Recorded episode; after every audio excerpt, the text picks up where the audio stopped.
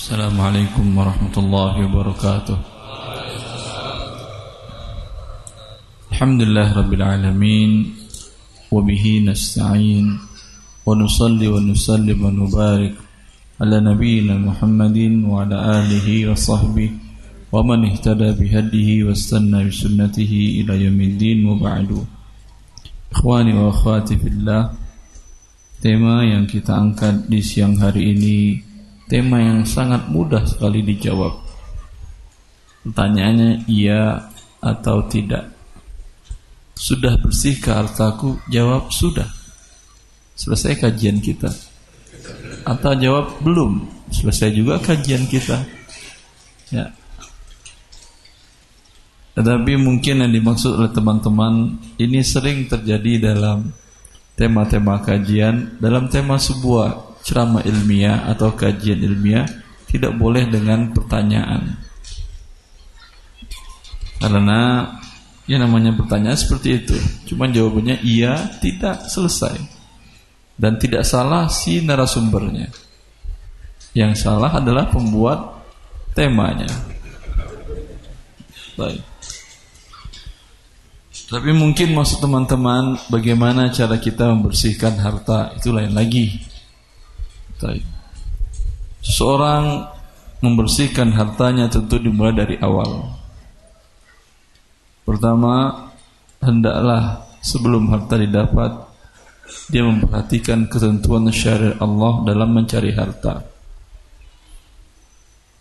Apakah ada unsur-unsur yang diharamkan oleh Allah hal-hal yang diharamkan oleh Allah di dalam pencarian hartanya tadi atau tidak.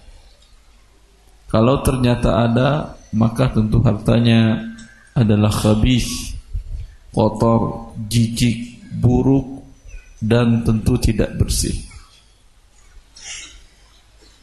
Maka kemudian baru dibersihkan. Bagaimana cara membersihkannya tergantung kesalahan di dalam dia mencari harta tadi. Ini banyak kasus berbeda dari A kepada B, C, D dan seterusnya. Dari Ahmad dengan Muhammad dengan Ali dengan Umar dan seterusnya berbeda kasus mereka. Ada memang kasusnya mungkin memang dia bekerja di lembaga riba ini beda lagi akadnya. Karena berarti dia adalah sebagian dari orang yang dikutuk oleh Rasulullah sallallahu alaihi wasallam. La'ana Rasulullah akhil riba wa mawakilahu wa katibahu wa syahidai hum sawa. Rasulullah mengutuk orang yang memakan riba yaitu lembaga tadi yang mendapatkan bunga dari uang yang dipinjamkan kepada nasabah atau kreditur atau debitur. Kemudian bunga tersebut diberikannya lagi kepada nasabah yang menabungkan uangnya kepada mereka. Ini dia pemberi makan riba juga terkutuk. Kemudian penulis dan ini adalah karyawannya. Kemudian saksi juga karyawannya dalam hal ini. Maka bertobat kepada Allah Azza wa Jalla dalam hal ini adalah 100% uangnya dia keluarkan tidak satu pun yang halal dia bawa makan. Kalau ingin dibersihkan semuanya kotor, khabis, haram.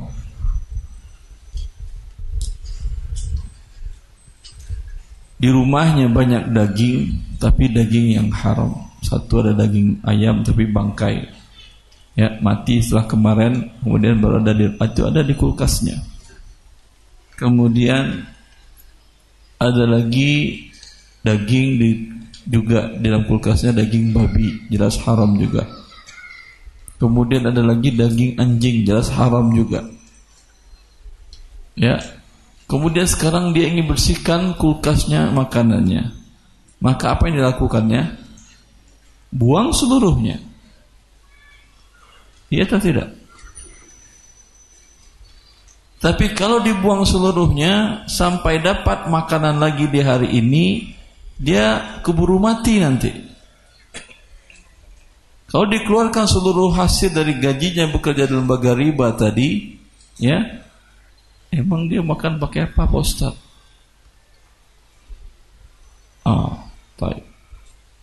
Oleh karena itu sebatas Makanan pokok dia dia boleh makan sampai dia dapatkan yang halal. Statusnya darurat. Ya, tadi kan dikatakan kalau dikeluarkan dari freezernya semuanya yang haram najis tadi, dia akan mati. Ya, berarti statusnya dalam keadaan antum pegangin. Ya, sakallah ya. Bagi-bagi pahala kita ya. Anak pahala ngomong atau pahala megang. Allah barik fikum. Tapi jangan terlalu dekat kena mulut saya, saya marahin untuk. Antum. Ya.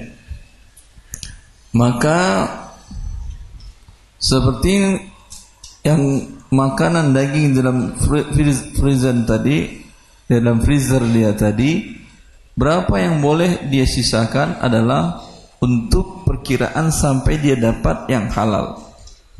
Ada mamanya sekitar tiga, ada 20 kilo najis makan bangkai daging babi dan daging anjing di dalam kulkas freezernya tadi. Kalau dikeluarkan semuanya sampai dapat makanan yang halal, mungkin keburu mati dia. Ditinggal kalau di sana mungkin setengah kilo. Jadi ketika dia sambil mencari belum dapat, ah, makan yang lebih tadi daripada mati. Ya. Seperti ini perumpamaannya kalau memang dia bekerja di lembaga yang ribawi tadi. Sama sekali tidak satu sen pun tidak boleh digunakan hartanya. Ijma' para ulama dinukil oleh Imam An-Nawawi dan sebelumnya dari Al-Ghazali bahwa orang yang hartanya didapatkan dari yang haram ha? maka tidak ada kewajiban dalam hartanya tidak ada kewajiban nafkah bagi anak istrinya. Ya. Kecuali yang status darurat tadi. Tidak ada kewajiban zakat dalam harta tersebut. Sama sekali tidak ada kewajiban dalam harta itu. Karena ini bukan harta. Kalian dapatkannya dengan cara yang haram. Kalau cara dia mendapatkan tadi dengan cara menzolimi orang korupsi umpamanya. Berarti dia mengambil hak orang yang mempekerjakan dia.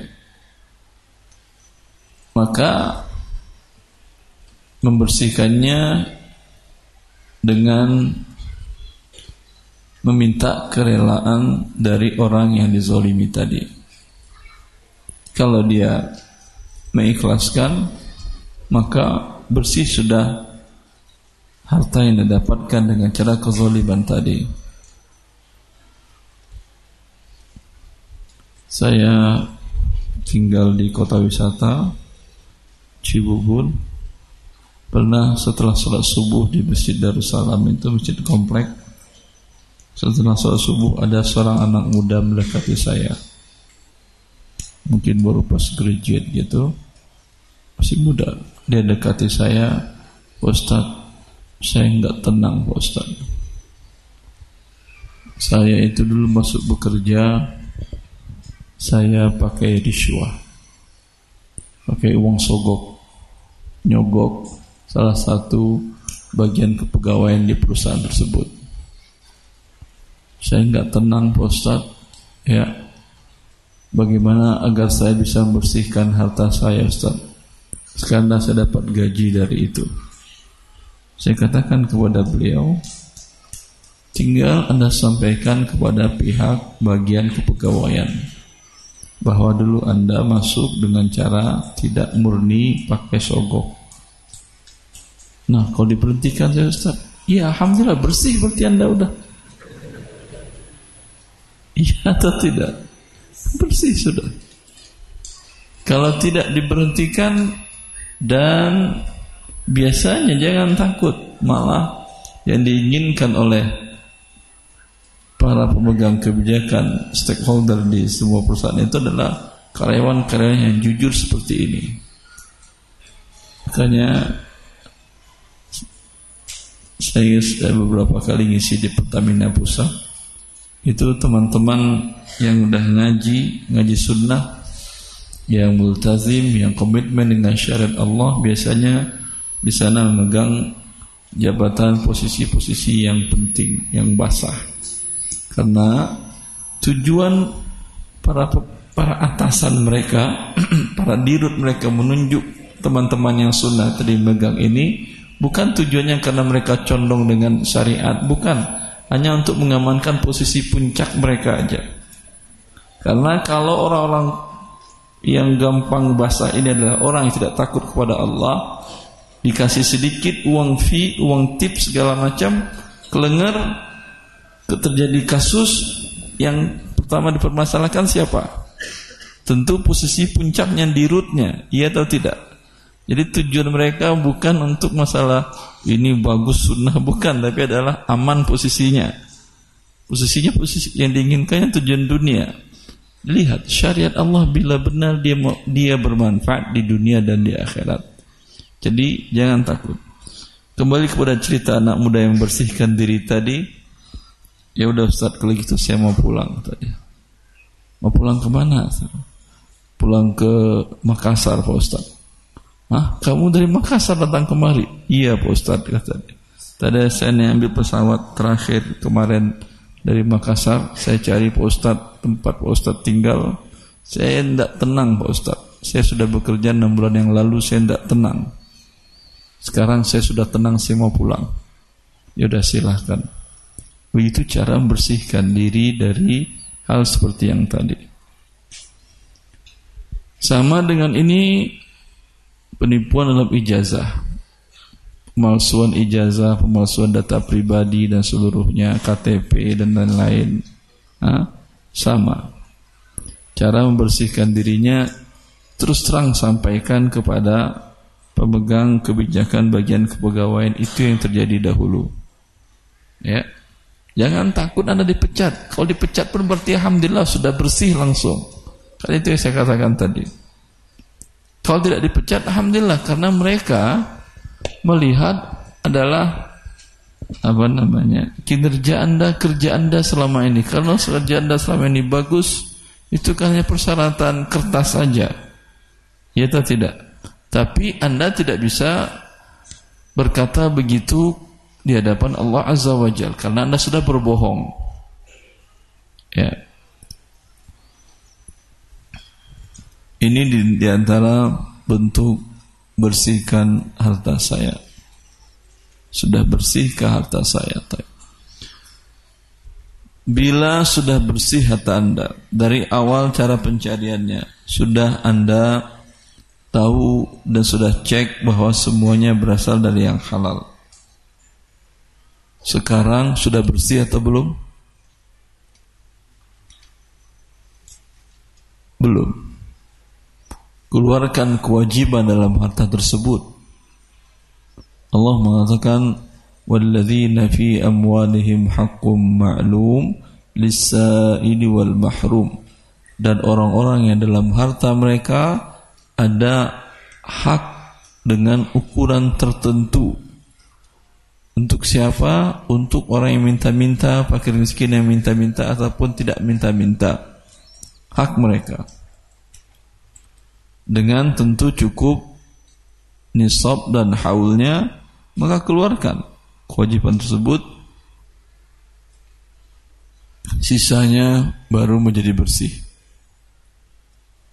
Baik. bisa anda cara membersihkan sekarang? Bisa sudah?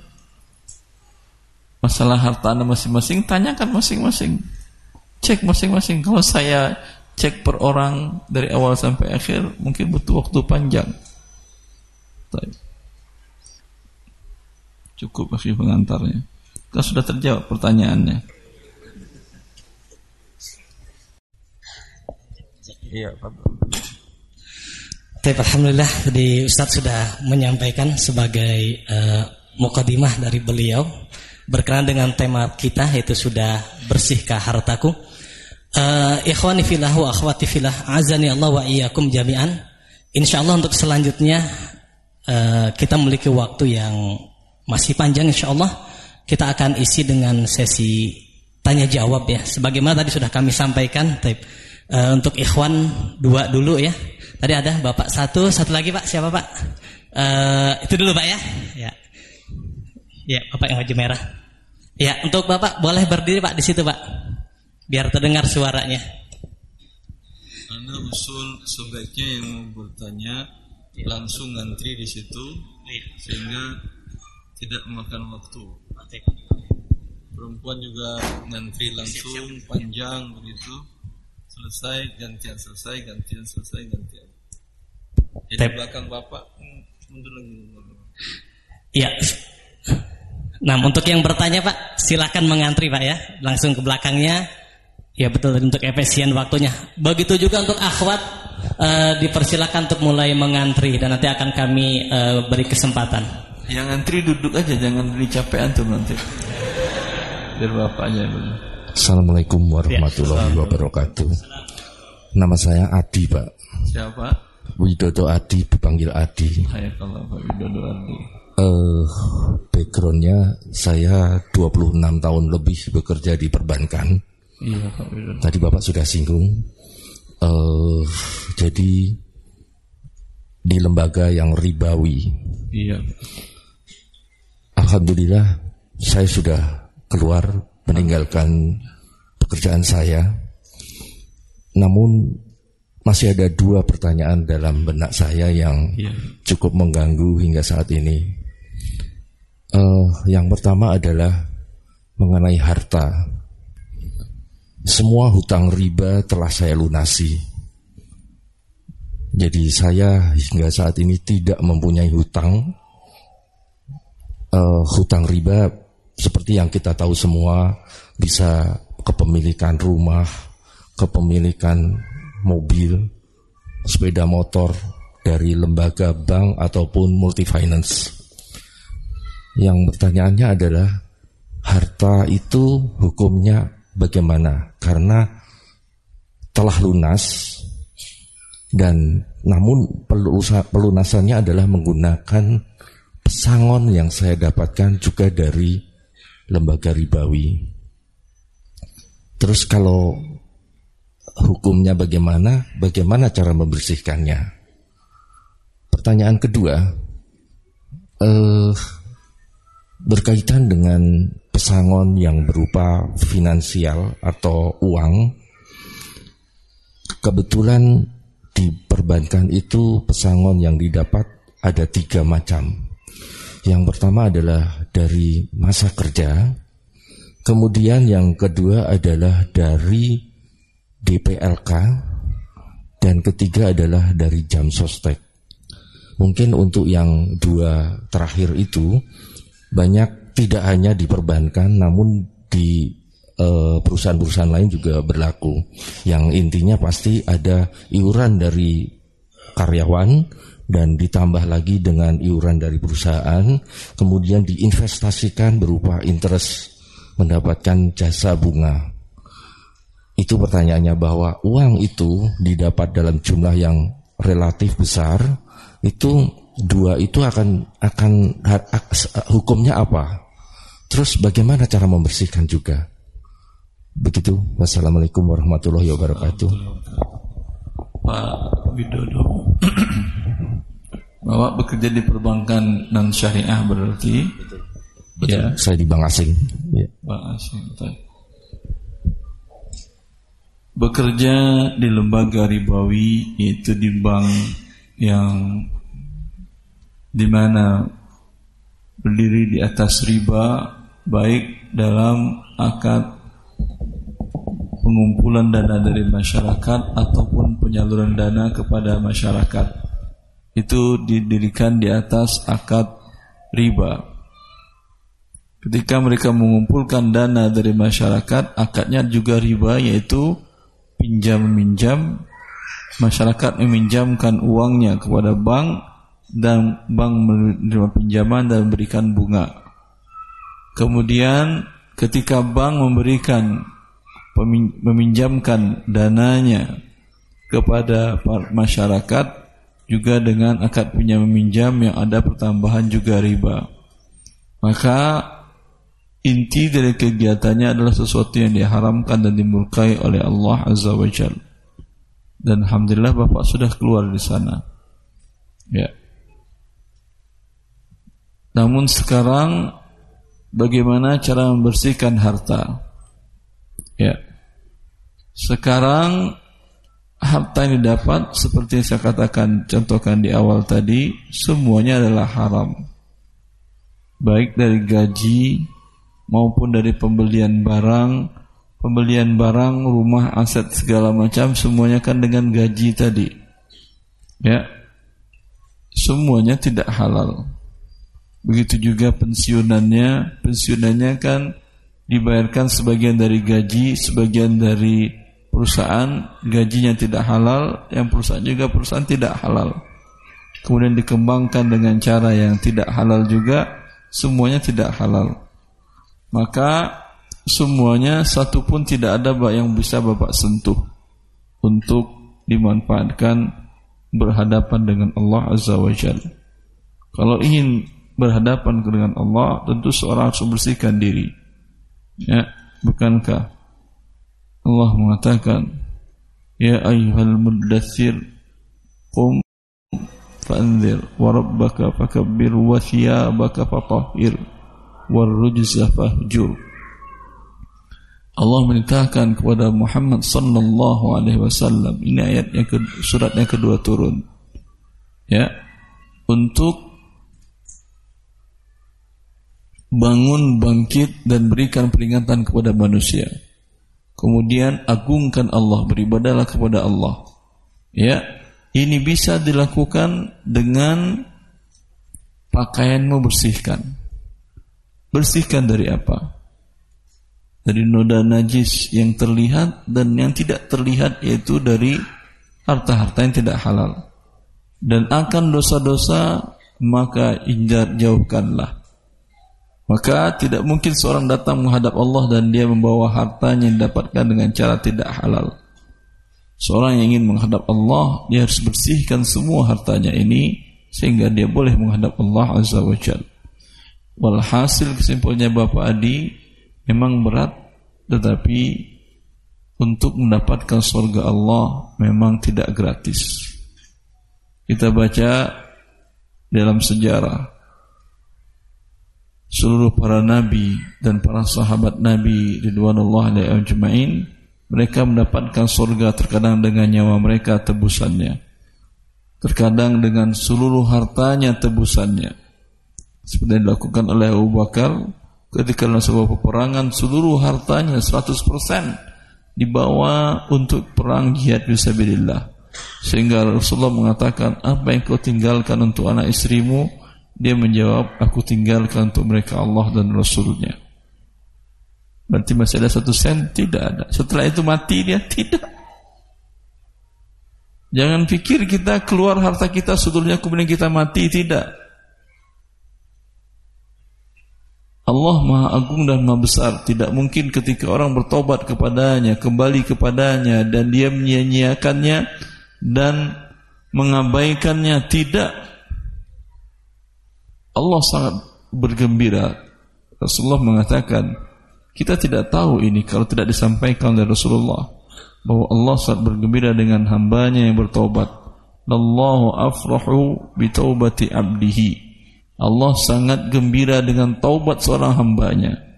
Melebihi kegembiraan seorang anak manusia dalam keadaan euforia. Bagaimana gambarannya kata Rasulullah? Seorang anak manusia dalam perjalanan di padang pasir seluruh makanan dan minumannya dia letakkan di atas untanya. Lalu dalam tengah perjalanan di padang pasir dia tidur di bawah sebuah pohon. Kemudian dia terbangun untanya tidak kelihatan menghilang. Kira-kira apa sekarang yang dia rasakan? Dia akan siap-siap untuk mati Gitu kan ya. Tengah padang pasir, mau jalan ke mana tuh? Mau nelfon siapa juga? Hah? Kemudian dia tidur kembali. Ketika dia tidur, dia bangun, untanya ada di depan matanya. Ini gambaran suasana kejiwaan disampaikan Rasulullah. Bagaimana kegembiraan seorang hamba seperti ini sehingga dia salah berucap. Sampai dia mengatakan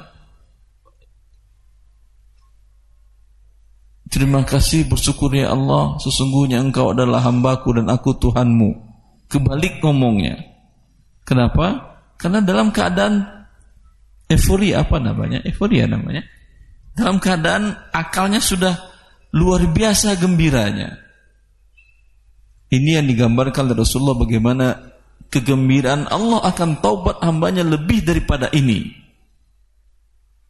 Tapi bagaimana tentu tidak kita bisa nalar dengan akal kita, tapi Rasulullah yang menyampaikan kepada kita.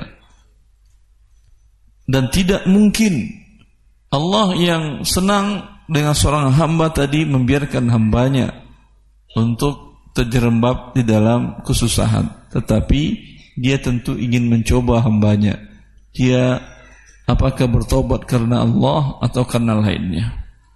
Ya, mohon maaf Adi dari harta yang tadi yang boleh Pak diambil hanya hitung keseluruhannya aset yang ada, pesangon yang ada dan semuanya keluar angka umpama 3 miliar atau 5 miliar atau 10 miliar.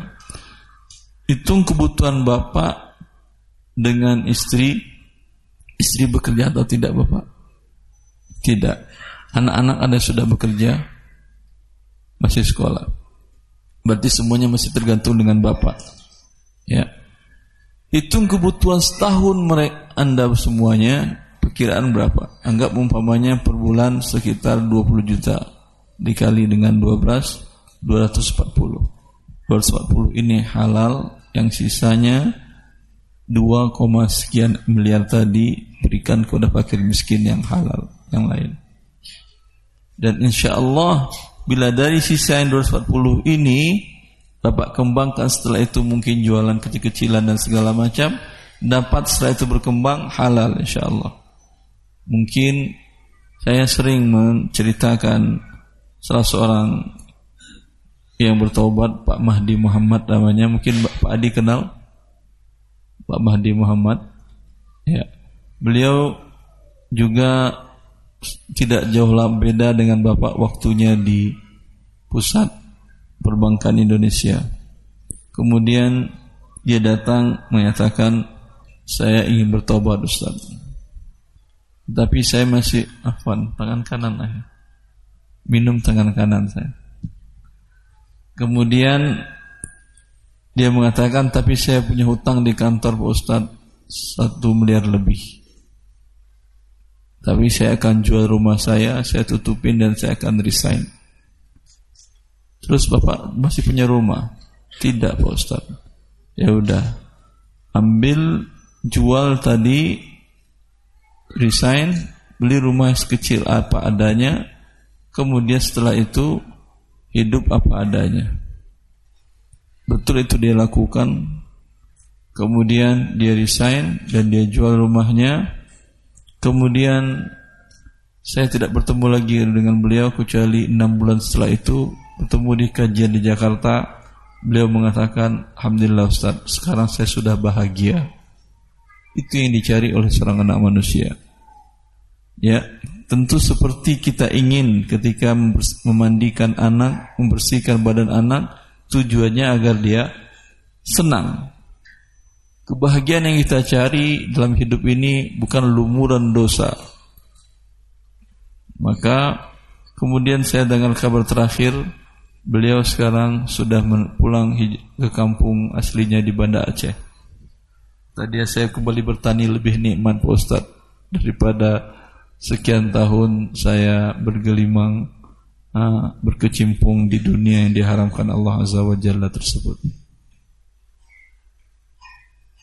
Semoga Pak Ardi bagian dari orang-orang yang dicatatkan oleh Allah Azza wa Jal Amin. kebahagiaan di dunia sebelum di akhirat. Amin. Banyak sekarang kaum muslimin seperti beliau ini. Saya kemarin dari baru hari Sabtu ah, dan Ahad yang lalu, sekarang masih Ahad juga ya. Jumat dan Ahad yang hari ini, pekan ini di kota Pekanbaru, mereka minta kajian khusus X Bank. Jumlah mereka lebih 3.000 orang. Betul, itu ada kurang lebih 6.200 anggotanya dan saya juga menghadiri waktu ada pertemuan di Jogja kemarin. Masya Allah. Ada sekitar 3.000 yang di Pekanbaru, yang di Pekanbaru saja Pak. Seluruhnya ke nasional kata 18.000 lebih. Mereka sudah taubat kepada Allah Azza wa Jalla dari hal tersebut. Sering kita dengar selentingan, Ustaz, kalau semuanya berhenti nanti ini bank dikuasai oleh orang kafir. Biarkan orang kafir menguasai sehingga langsung mereka dimasukkan oleh Allah ke dalam neraka. Iya atau tidak? Apa pedulinya kita? Kalau kita tetap di sana, kita ini masukkan Allah ke dalam neraka. Tapi tentu cara berpikir negara tidak seperti itu. Seperti sebagian negara muslim Sudan, setahu saya dari informasi teman-teman, itu semua banknya tidak ada yang bank ribawi, semuanya banknya syariah. Mulai dari bank induknya sampai bank yang mikronya. Ya, kenapa? Karena tuntutan masyarakat. Karena andai semuanya yang muslim berhenti, tentu mereka tutup. Jelas? Atau berubah fungsi mereka menjadi yang syariah. Cukup adik kita. Allah barik fikum. Terima kasih. Allah sabar.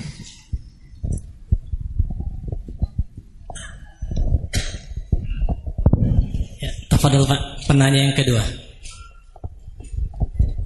Bismillahirrahmanirrahim Assalamualaikum warahmatullahi wabarakatuh Assalamualaikum Ustaz nama saya Danis Saya ingin bertanya uh, Ada teman saya Bekerja di uh, suatu perusahaan Tapi dia bagian uh, perpajakan seperti itu Nah, sebentar, sebentar. Iya. Saya menyambung nasihat dengan Pak Widodo tadi.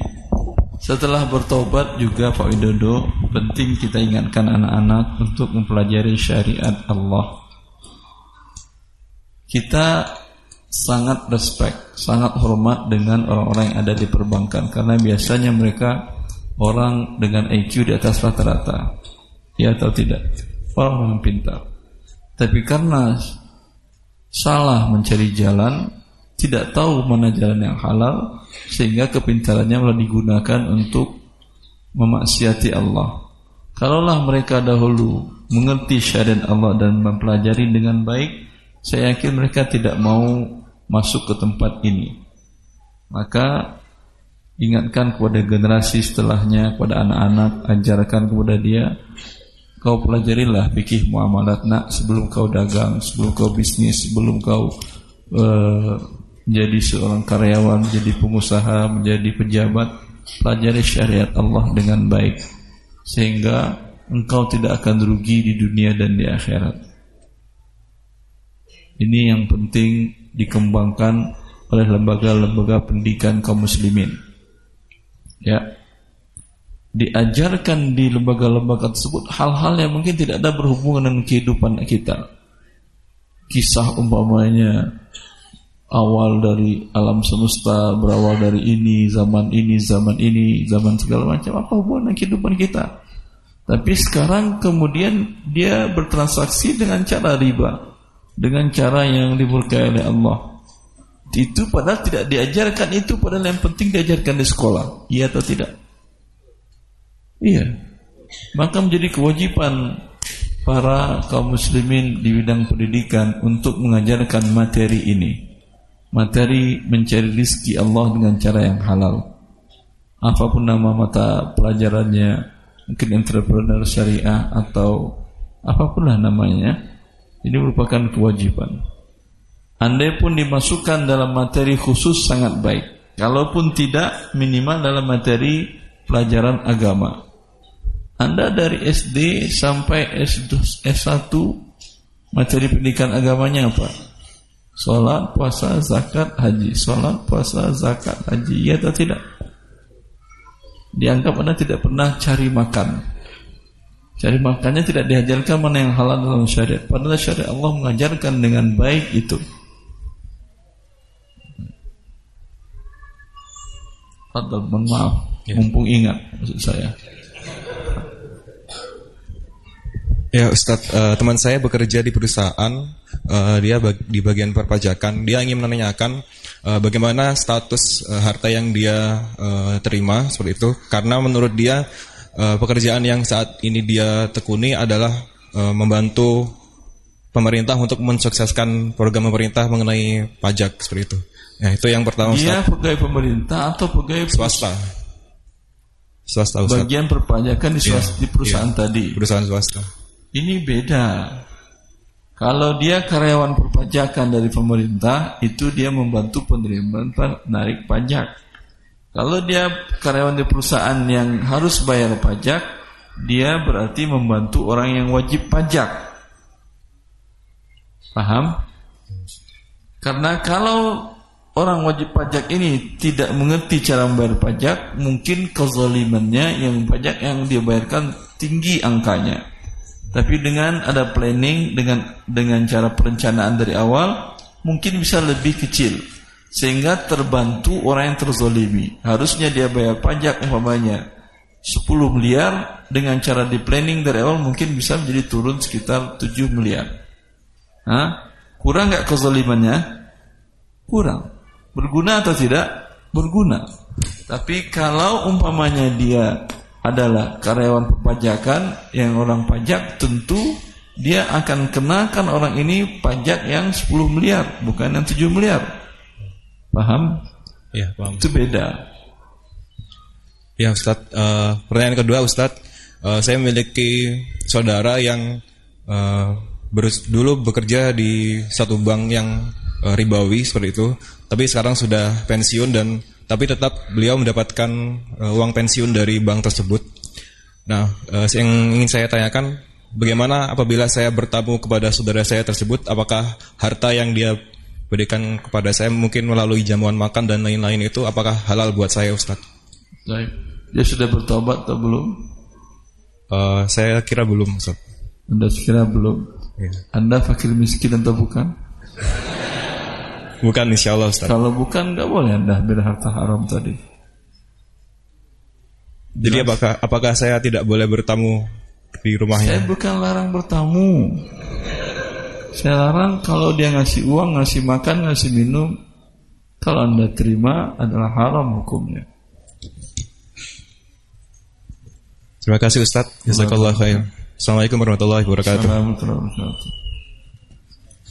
wabarakatuh. Tapi untuk penanya selanjutnya insya Allah dari akhwat kami persilahkan satu penanya dulu. Sudah ada ibu ya? Ya, dipersilahkan. Assalamualaikum warahmatullahi wabarakatuh. Assalamualaikum warahmatullahi wabarakatuh. Uh, saya mau nanya Ustadz. Uh, saya kan baru lulus SMA dan pas saya di SMA itu saya masuk organisasi yang secara turun temurun itu bisa dibilang selalu mengkorupsi dana organisasi tersebut. Walaupun guru-guru juga pada tahu kalau misalnya kita pengurus organisasi itu ngambil sebagian dari dana organisasi tersebut. E, bagaimana cara saya untuk bertaubat dan apa, apa, apa apakah saya lebih berdosa karena saya bendahara yang membagi-bagikan dana tersebut pada teman-teman saya. Terima kasih Ustaz. Eh, Allah barik. Iya, betul. Anda dosa Anda lebih dari yang lain. Yang lain cuma terima dari Anda karena Anda berikan dia uang haram, mereka terima. Kalau tidak Anda berikan, maka mereka tidak terima uang haram. Maka Anda bertobat kepada Allah dan besok bilang tidak ada lagi uang haram untuk kalian. Baik. Baik, untuk penanya kedua dari ibu-ibu silakan.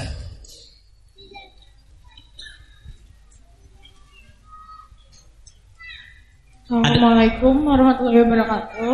Waalaikumsalam warahmatullahi wabarakatuh. Ustadz saya mau nanya, ayah saya dulu pernah kerja sama sama temennya. eh, di bidang properti. Kebetulan ayah saya kontraktor dan eh, di Ayah saya kebetulan apa? kontraktor Nah, terus. dan ayah saya tidak memiliki perjanjian hitam di atas putih dengan temannya karena eh, ia berpikir bahwa eh, sudah bekerja lama jadi nggak ada hitam di atas putih. Cara bekerja samanya adalah ayah saya membangun beberapa unit rumah nanti dibayar oleh temannya tersebut. Afan. Eh, Orang berarti kan ayah saya butuh modal. Afan Eh, sebentar bu- sebentar. butuh s- Mana orang tuanya nak? Itu angkat. nggak datang? Ustaz. Iya. Enggak, enggak. Anak siapa? Ya, sebentar Ibu ya. Ada anak kecil yang kehilangan orang tuanya. Ya, untuk ayah dari putra yang berada depan mohon untuk ini. Eh, Ada. Ya, sebentar Ibu, sebentar. Jangan bawa keluar nanti makin hilang dia. Pegang lagi sampai ketemu ayahnya. Sampai ketemu ayahnya. Mana ayahnya?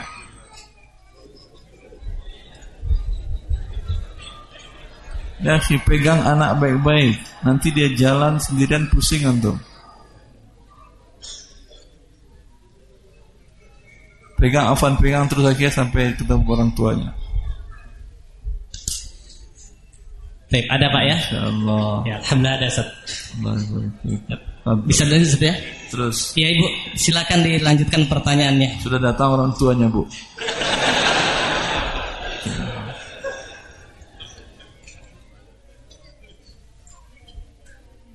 Terus akhirnya ayah saya menjual seluruh aset berhutang sana sini uh, untuk keberlangsungan proyek tersebut. Sampai akhirnya selesai proyek tersebut, ayah saya tidak dibayar sepeser pun. Dan dan hutang ayah saya menggunung uh, apakah itu masih menjadi tanggung jawab ayah saya eh, mengingat eh, proyek tersebut juga eh, dilakukan bersama. Bagaimana solusinya Ustaz? Ke, eh, maaf, maaf. Kalau sengketa ya itu sebaiknya diselesaikan di lembaga yang eh, merupakan lembaga negara seperti di pengadilan agama. Ya, diselesaikan kok sengketa masalah harta pengadilan agama sekarang sejak tahun 2000 setahu saya sudah ada undang-undangnya bahwa kaum muslimin yang ingin menyelesaikan kasus sengketa hartanya tidak mesti harus ke pengadilan negeri karena kalau ke pengadilan negeri menggunakan hukum manusia. Tapi kalau ke pengadilan agama maka fikih muamalat. Ya. Adapun status hartanya ya bila bekerja sama memang merupakan cara yang terbaik untuk mengembangkan sebuah harta dan mencari keberkahan dalam harta tersebut. Dalam sebuah hadis kursi Rasulullah mengatakan Allah berkata Ana thalithu syarikaini ma lam yakun ahaduhuma sahibahu Aku kata Allah adalah yang ketiga dari dua orang yang bekerja sama selagi salah satunya tidak berkhianat. Bila salah satunya berkhianat, maka aku tinggalkan. Ya. Maka seharusnya dari awal dibuat perjanjian hitam di atas putih membatasi hak dan kewajiban masing-masing sehingga tidak terjadi tumpang tindih kewajiban tadi dan tanggung jawab tadi sehingga tidak menjadikan saling berkhianat. Itu perlu ada aturannya dalam syariat Islam. Dalam fikih muamalat ada aturan rinci tentang akad bekerja sama ini. Cukup mungkin. Eh, Ustadz mau nanya satu pertanyaan lagi. Eh, di otoritas jasa keuangan sebagai regulator, di sana kan ada tentang em, departemen yang mengurus lembaga keuangan syariah. Apakah bekerja di situ hukumnya halal atau haram? Terima kasih Ustaz. Halal kalau Anda mengerti syariat Allah dan Anda perjuangkan syariat Allah. Tidak halal kalau Anda ikuti regulasi yang ada. Baik. Terserah antum. Terserah antum. Jazakallah khairan. Secara sumber itu menjawab. Ya, taib. Untuk selanjutnya sebelum kita memberikan kesempatan pada eh, bapak-bapak dan ibu-ibu yang sudah hadir di sini, kita akan bacakan satu pertanyaan dari pemirsa Asan TV yaitu dari Dian di Depok. Ya, beliau bertanya, "Assalamualaikum, Ustadz, bolehkah mengkreditkan emas ke konsumen saya seperti yang dilakukan oleh Pegadaian dan bank berlabel syariah?" Taib. Ini memang sudah saya duga. ketika fatwa merubah emas ada bahwa bank syariah membenarkan emas dijual dengan cara tidak tunai dan ada fatwa dari Dewan Syariah Nasional pasti kemudian dia menjadi model contoh bisnis bagi kaum muslimin dan ingat ini dosa jariah namanya maka Rasulullah telah mengingatkan dari awal, "Man fil Islami sunnatan sayyi'atan fa'alaihi wizruha wa izru man amila biha ba'dahu la yanqusu min awzarihim syai'a." Siapa yang membuat sebuah uh, ide, sebuah praktik yang baru dalam sebuah kejahatan, sebuah dosa, maka dia mendapatkan dosanya dan dosa orang-orang yang mengikutinya setelah itu tidak mengurangi dosa dia sama sekali. Ijma para ulama dunia. Dunia tahu kan antum?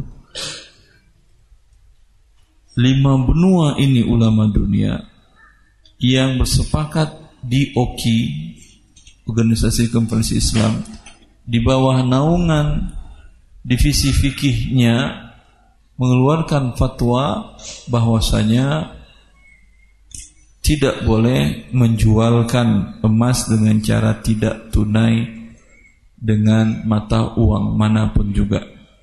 Baik dengan rupiah atau dengan dolar atau lain-lainnya. Dan dituangkan di dalam standar operasional perbankan syariah dunia yang diterbitkan di Bahrain ya tentang permasalahan murabahah la yajuzu ijra'ul murabahatil muajjalati 'ala dhahab tidak boleh melakukan akad murabahah dengan tidak tunai yang objeknya adalah emas. Tapi Dewan Syariah Nasional mengeluarkan fatwa boleh. Kira-kira kira-kira ikhwan. Kalau panco, adu panco antara anggota DSN dengan anggota ulama dunia, mana yang menang? Panco adu panco aja, jangan adu dalil. Hah? Maka jangan ikuti sebuah fatwa yang diingatkan kita sudah diingatkan dahulu oleh para ulama bahwa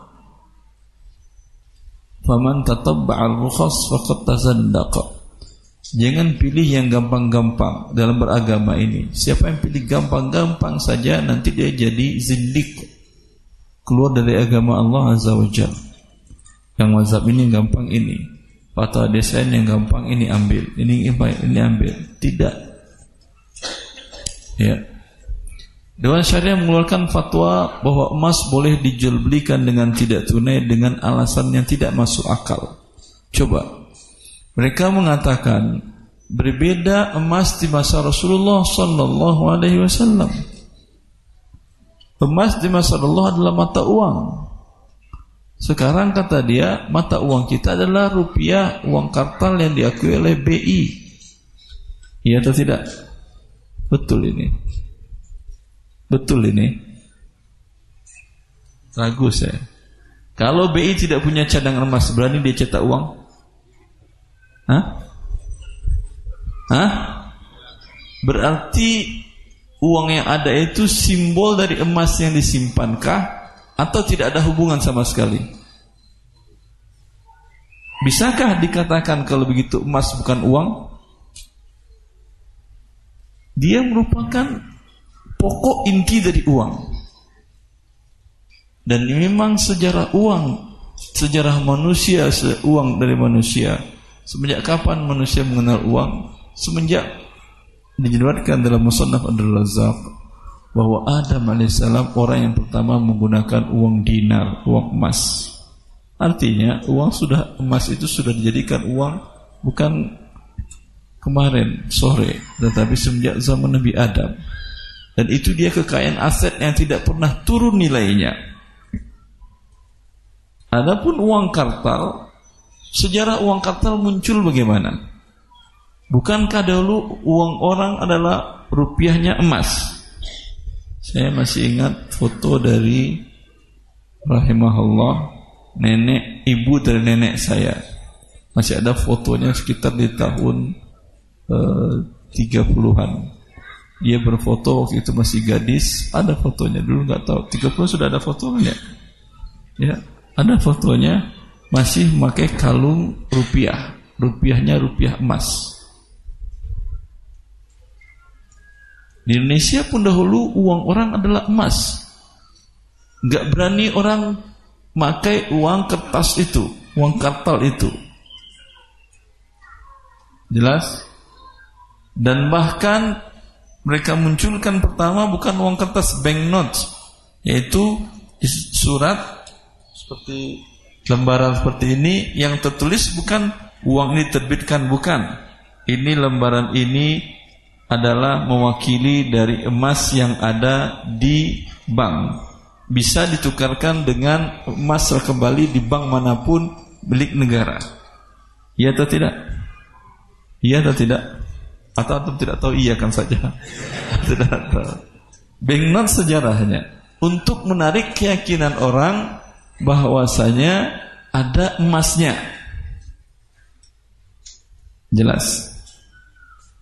Kemudian sampai terjadi perjanjian, perjanjian Bretton Woods, baru ada sebagian negara yang melepas emas dengan uang kartalnya. Tapi pun mereka tidak berani terlalu ekstrim karena akan bisa menyebabkan uang negara tersebut tidak akan diakui oleh negara lain karena tidak ada devisa emasnya. Jelaskan ya. Berarti betulkah sekarang emas bukan uang? Salah besar.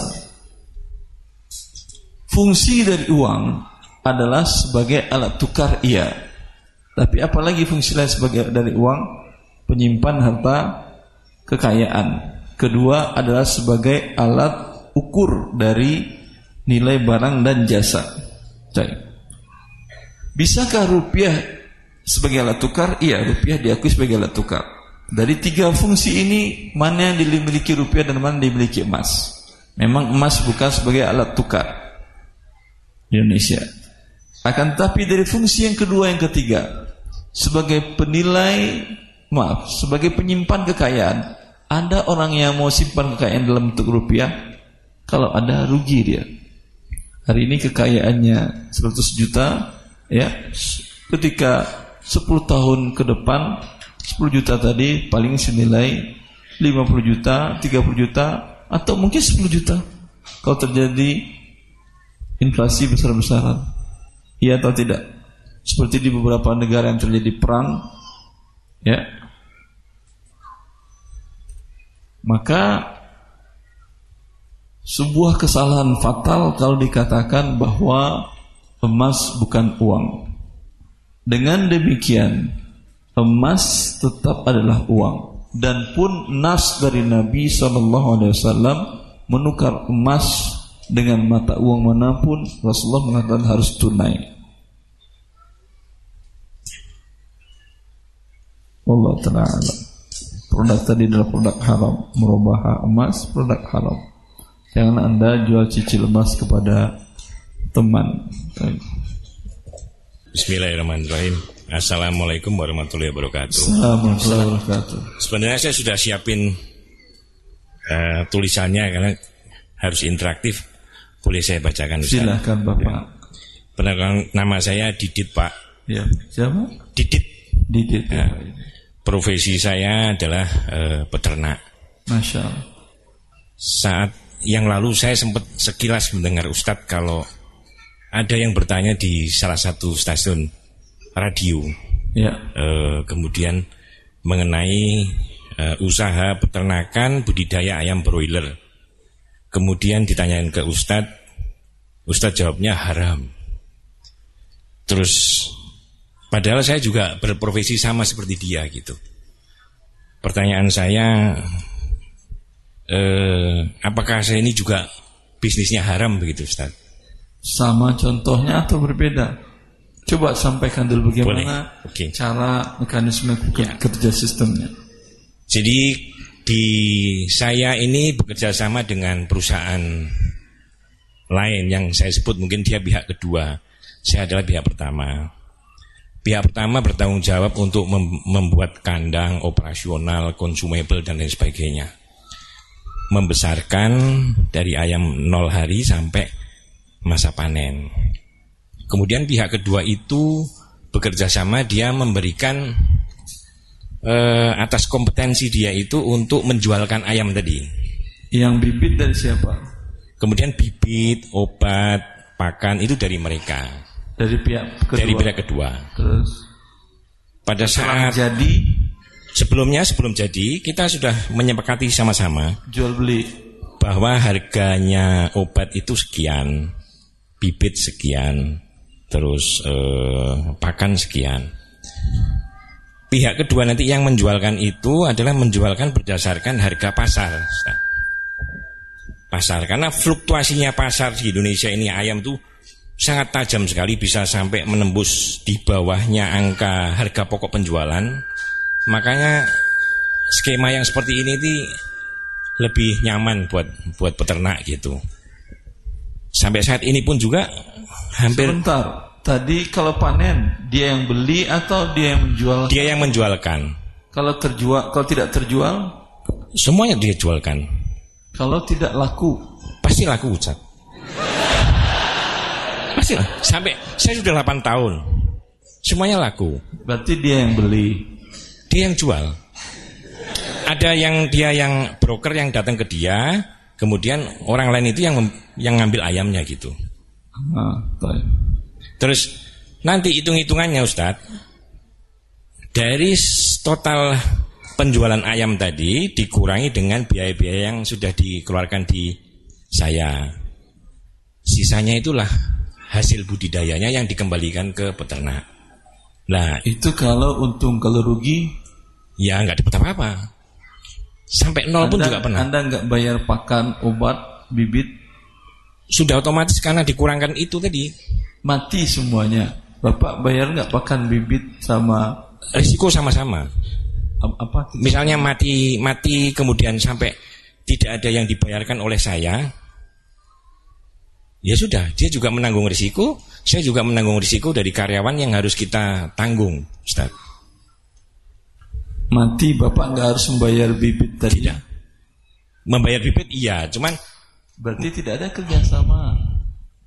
Bukan, bukan begitu maksudnya. bibit bapak beli putus. Bukan, bibit itu adalah kerjasamanya nanti dibayarkan pada saat Sebentar. jualan. Biarkan saya memahami Pak Boleh. Satu, jangan ini.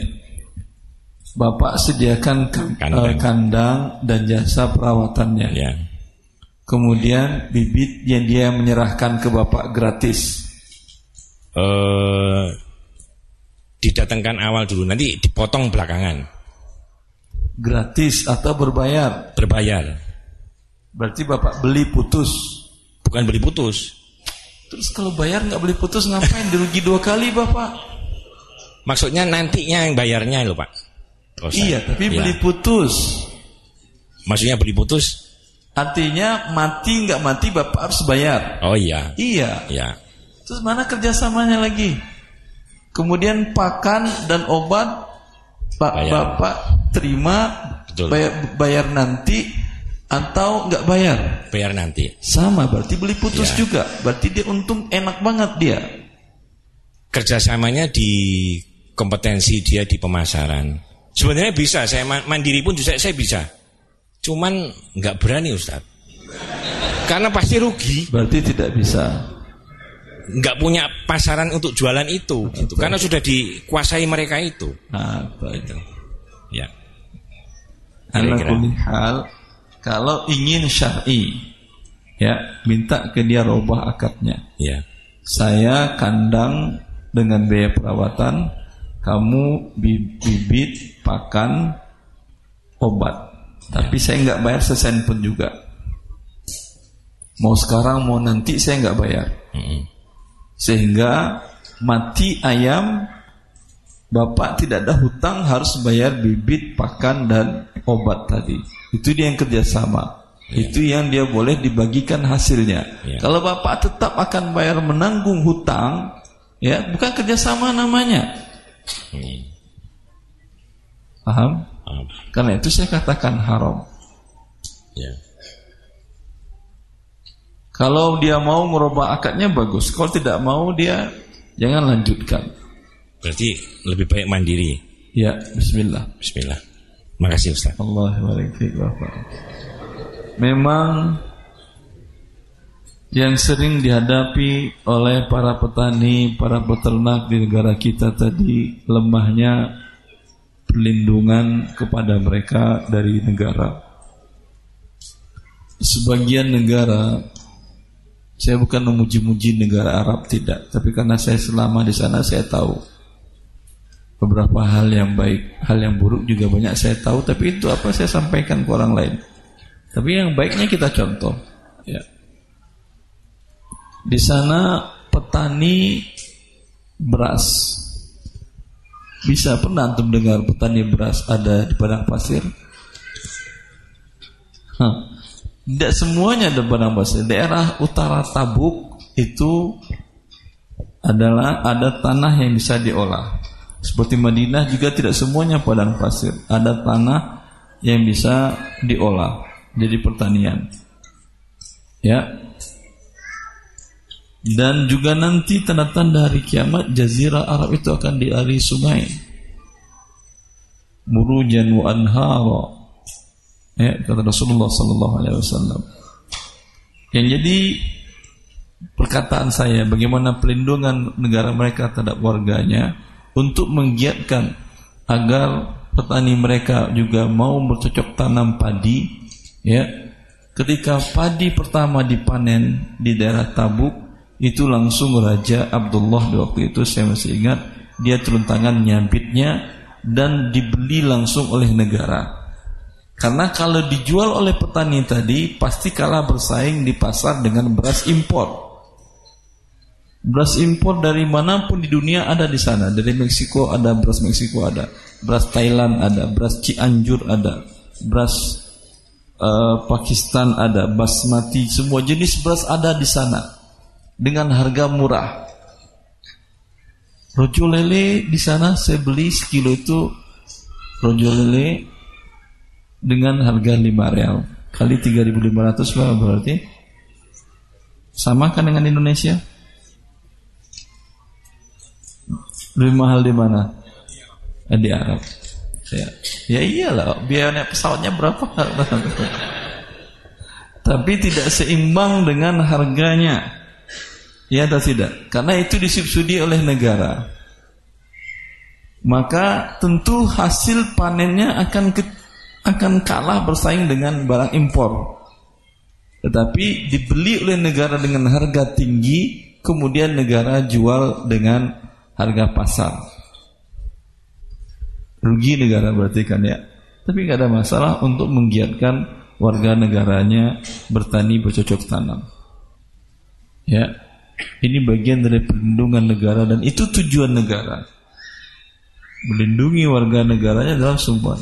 Dan seperti yang dijelaskan oleh beliau tadi, itu memang kenyataan, bukan di sisi peternakan aja, di aspek apa pun saja di area apa baik pertanian, peternakan, ah, perdagangan, perumahan semuanya lemah. sehingga yang menang adalah orang yang memonopoli di bidang itu. Tapi apa boleh buat bukan berarti dengan ada kondisi ini kita menyerah dan kemudian kita mau berbuat haram jangan. Ya. Jelas.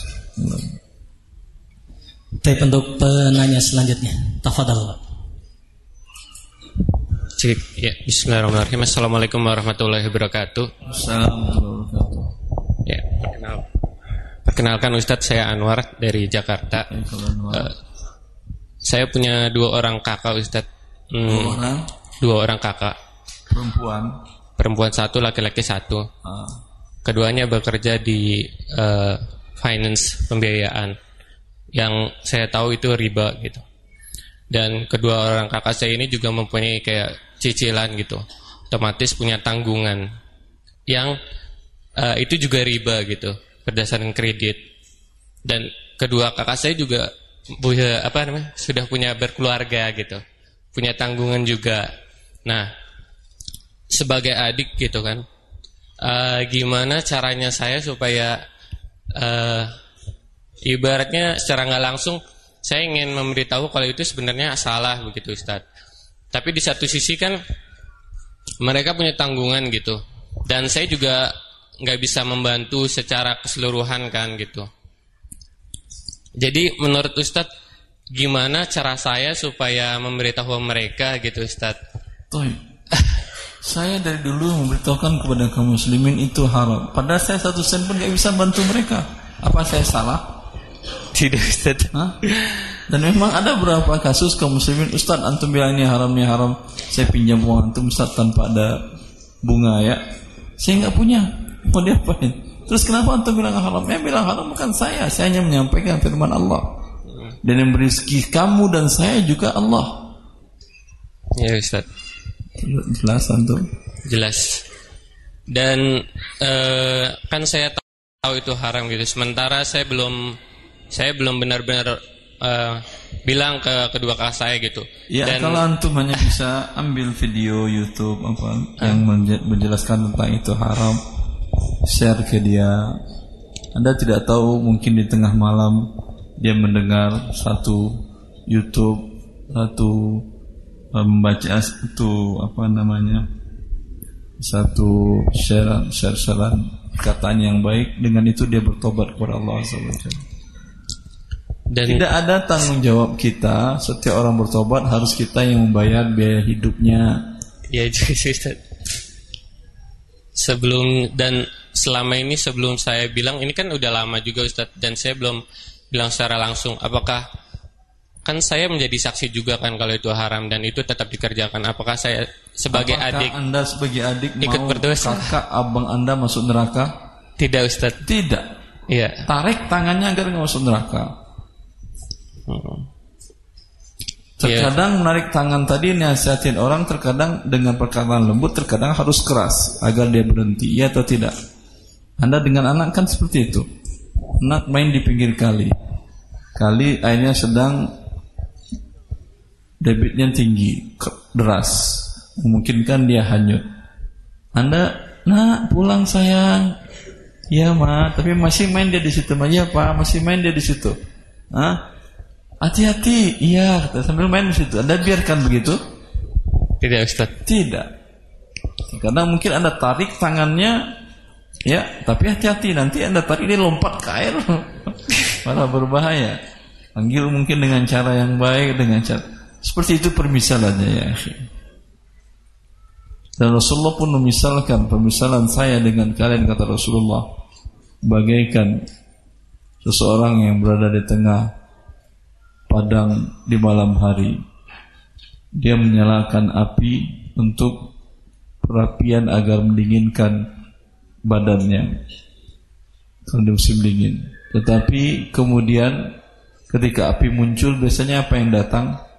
Datang binatang malam, laron, lalat, apa segala macam mendekat ke api tersebut. Maka aku dan itu perumpamaan kalian mendekat ke api. Lalu aku mengatakan kepada kalian, menghindarlah dari api, menghindarlah dari api, menghindarlah dari api. Jelas itu perumpamaan orang yang mengajak orang untuk bertobat kepada Allah Azza wa Jalla. Bukan artinya sok-sokan, bukan artinya menggurui, bukan artinya lebih tahu tidak. Tapi artinya adalah menyelamatkan orang yang Anda cintai dari neraka Allah. Dan itu yang diceritakan oleh Rasulullah sallallahu alaihi wasallam ketika salah seorang anak Yahudi masuk Islam dan langsung meninggal. Anak itu sakit, anak muda. Sakit keras, sakit akan meninggal. Dan dia sering menyapa berbuat baik kepada Rasulullah sallallahu alaihi wasallam. Lalu Rasulullah sallallahu alaihi wasallam datang kepada anak ini ya ingin mengajak dia masuk agama Allah. Ya. Dan anak itu ingin masuk Islam, ingin baca syahadat, tapi ada bapaknya. Dia menoleh ke bapaknya dan bapaknya mengisyaratkan kepada anaknya kasihan anaknya. Dalam sekarat dia mengatakan hati Abul Qasim. Tak turutin apa yang dikatakan oleh Muhammad itu Abul Qasim. Maka anaknya bersyahadat asyhadu an la ilaha illallah Rasulullah. Langsung mati. Apa yang diucapkan dari Rasulullah Alhamdulillahillazi anqadhahu bi minan nar segala puji bagi Allah yang telah menyelamatkan anak ini dengan perantaraanku dari neraka. Itu tujuan dakwah kita ya. Menarik tangan orang-orang agar tidak masuk neraka. Paham? Terkadang dengan ya. lembut, terkadang dengan keras, terkadang dengan tamparan, terkadang dengan kasar sekalian. Yang penting dia selamat. Ya atau tidak? Iya Ustaz.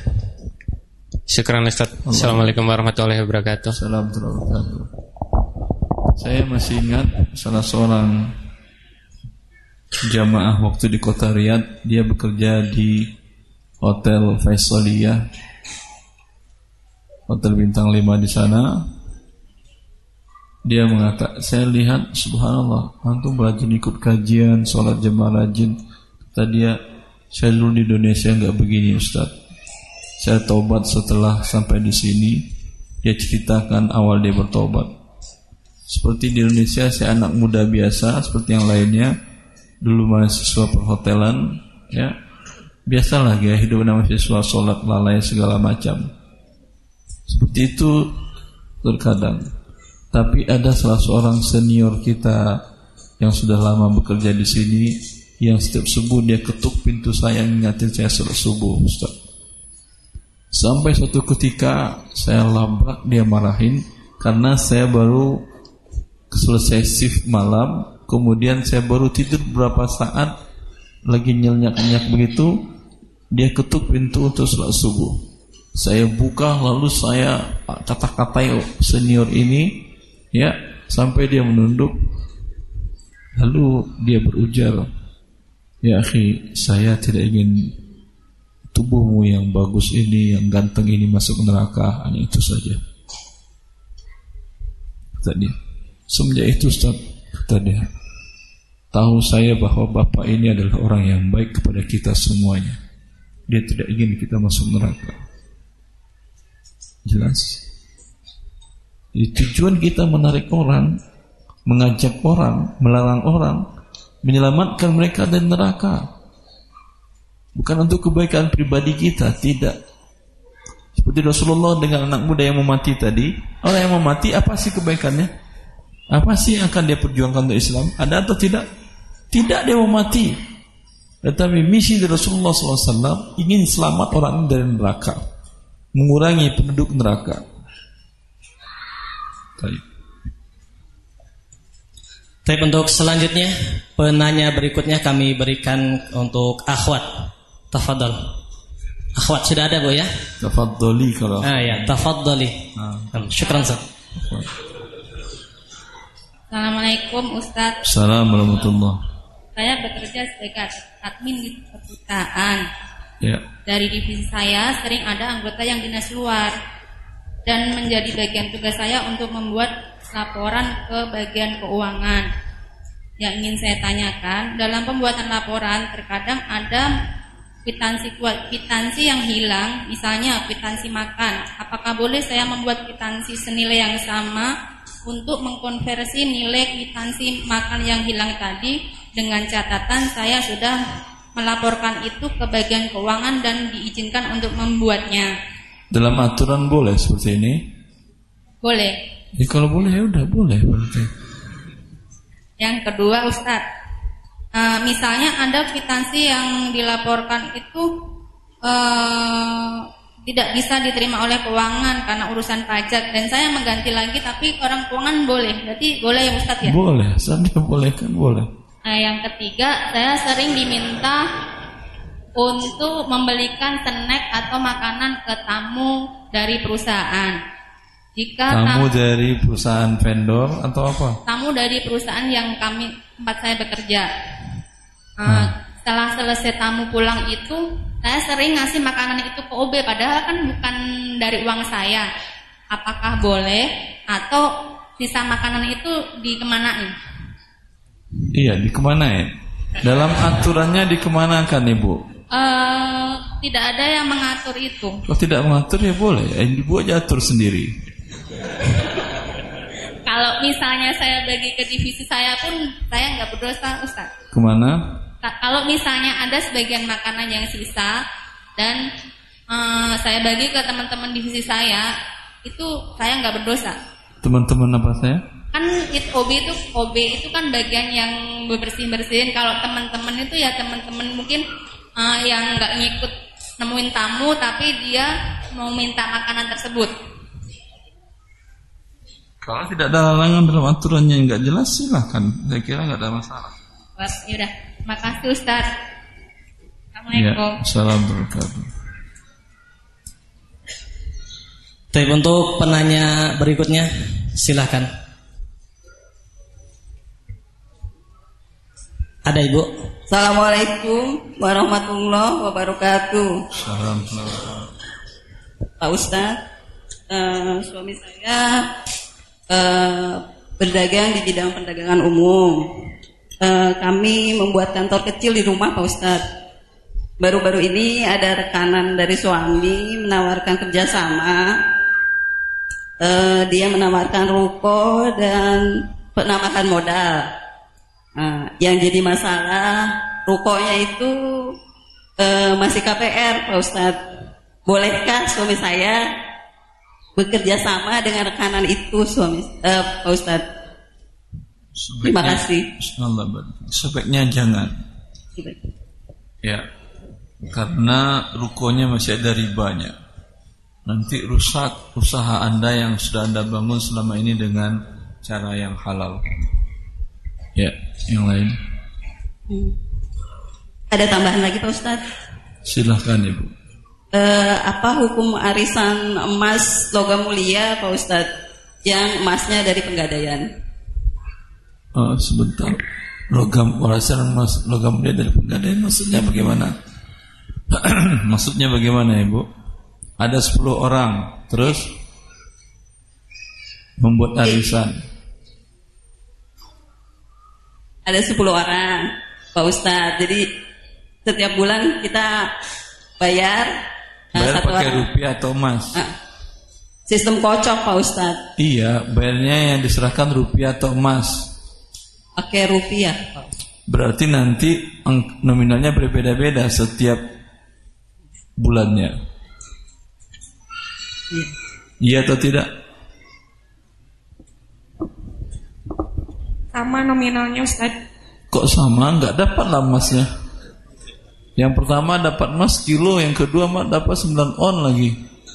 Karena harga emas naik. Ada yang 5 gram, ada yang 10 gram, beda-beda gitu Ustaz. Beda-beda emas yang diterima. Ya. Berarti dia berhutang empat emas ketika berbeda naik dibayar lima emas. Ya kan? Kalau berbeda-beda riba atau tidak? Riba. Riba. Maka sebaiknya masing-masing bawa emas. Umpamanya masing-masing bawa emas pecahan kecil berapa? Satu gram ada satu gram. Ya, setiap arisan bawa satu gram satu gram, satu gram satu gram. Berarti yang terima sepuluh gram. Udah, dia bayar sepuluh, dia terima sepuluh. Itu boleh. Untuk selanjutnya ada pertanyaan dari pemirsa Ahsan TV dari Kiki di Jakarta. Ustadz, apa hukum ijazah dan pekerjaan saya saat ini yang dahulu semasa saya kuliah sempat menyontek saat ujian? Tapi saat melamar pekerjaan dengan prosedur yang jujur tanpa kecurangan dan termasuk dibutuhkan dalam skill yang saya miliki Apakah pekerjaan saya ini tidak berkah Ustaz? Jika saya salah, apakah cukup dengan taubat? Memang Anda salah. Mencon mencontek di dalam ujian. Ya. Maka wajib Anda sampaikan kepada pihak bagian kepegawaian ijazah yang saya daftarkan untuk bekerja itu ya tidak murni angkanya sekian kalau mereka syaratkan standar angkanya untuk diterima tadi adalah umpamanya angka 8 dari skala 10 Anda pas-pasan 8 dari skala 10 berarti harusnya kan bukan 8 nilai Anda kan ya? Ya wajib disampaikan kepada dia. Karena Anda tidak memenuhi syarat untuk diterima. Kalau dia mengatakan ya udah nggak masalah. Ya udah nggak masalah alhamdulillah Untuk selanjutnya tadi ada udah dua penyanyi sudah siap untuk Ikhwan.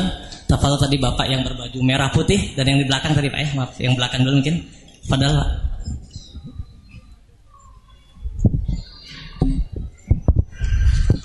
Baik. Assalamualaikum warahmatullahi wabarakatuh. Assalamualaikum warahmatullahi wabarakatuh. Uh, mungkin uh, sebelumnya saya minta maaf karena baju saya seperti ini.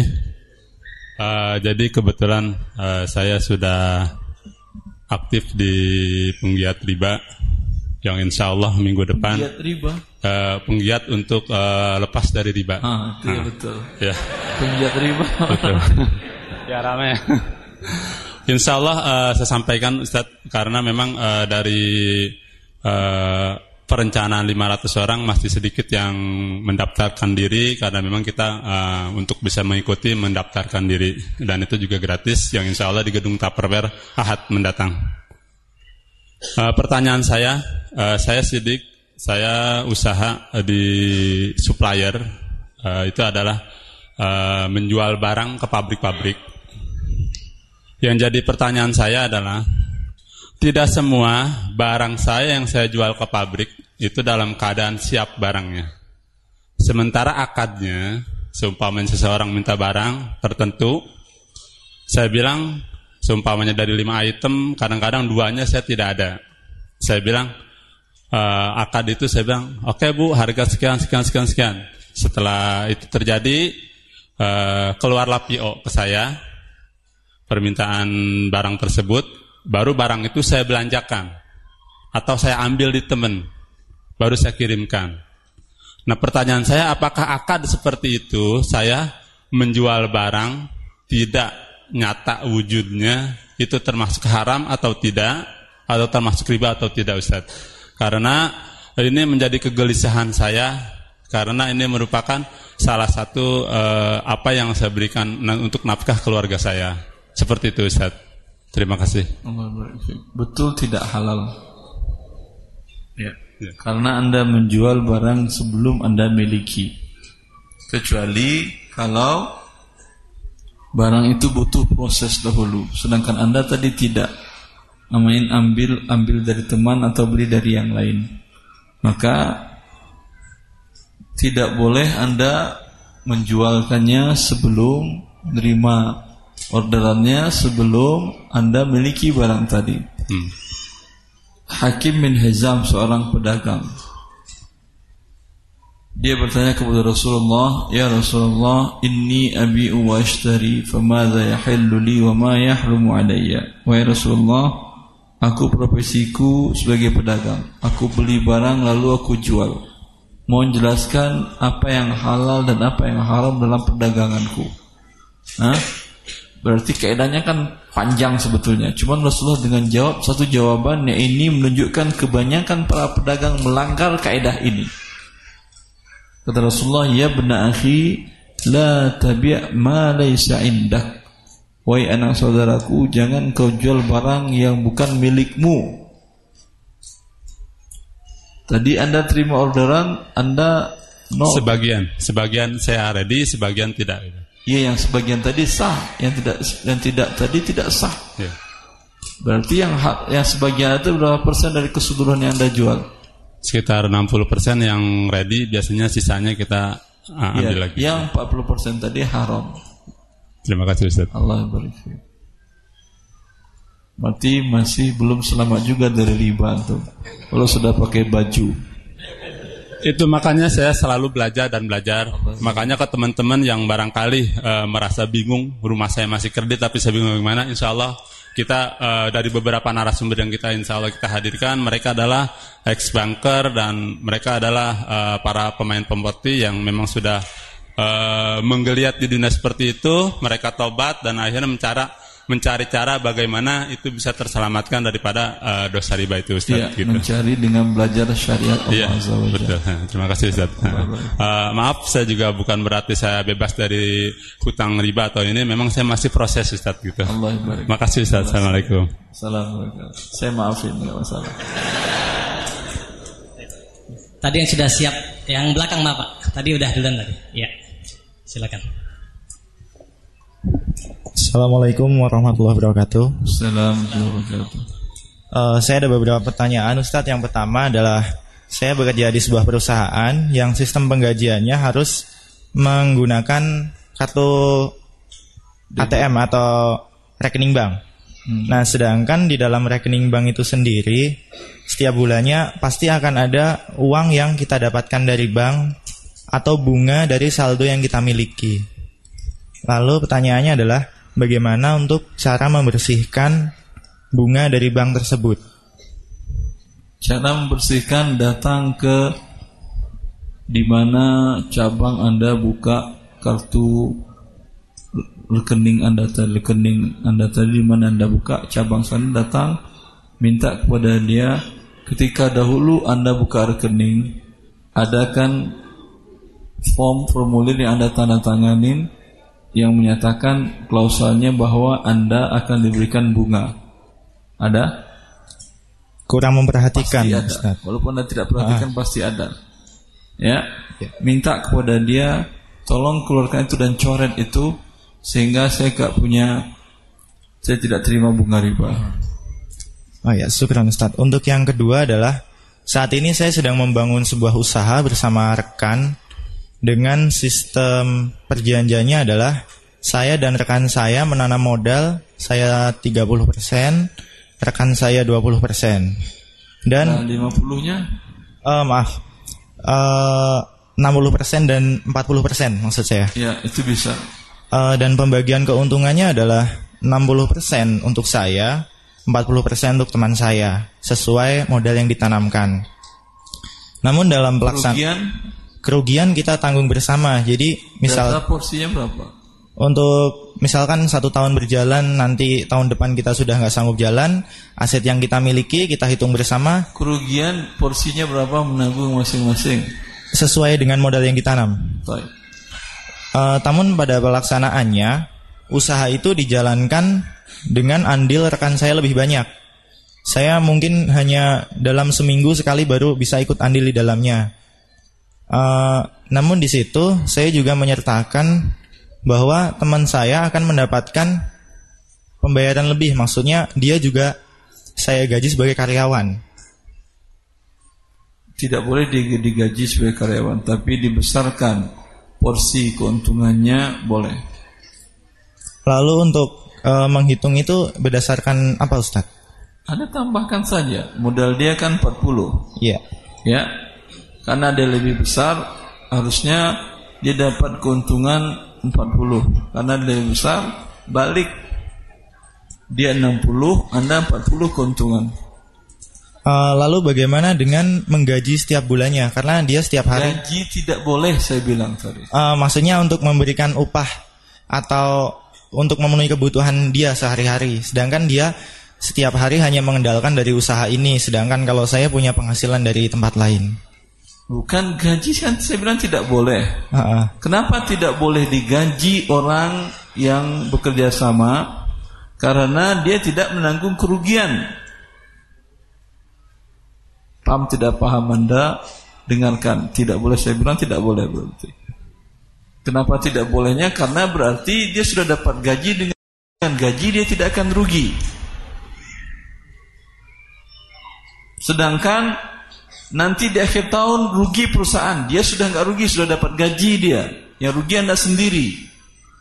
Makanya tidak boleh di dalam akad kerjasama ada di antara para pemilik saham yang makan gaji.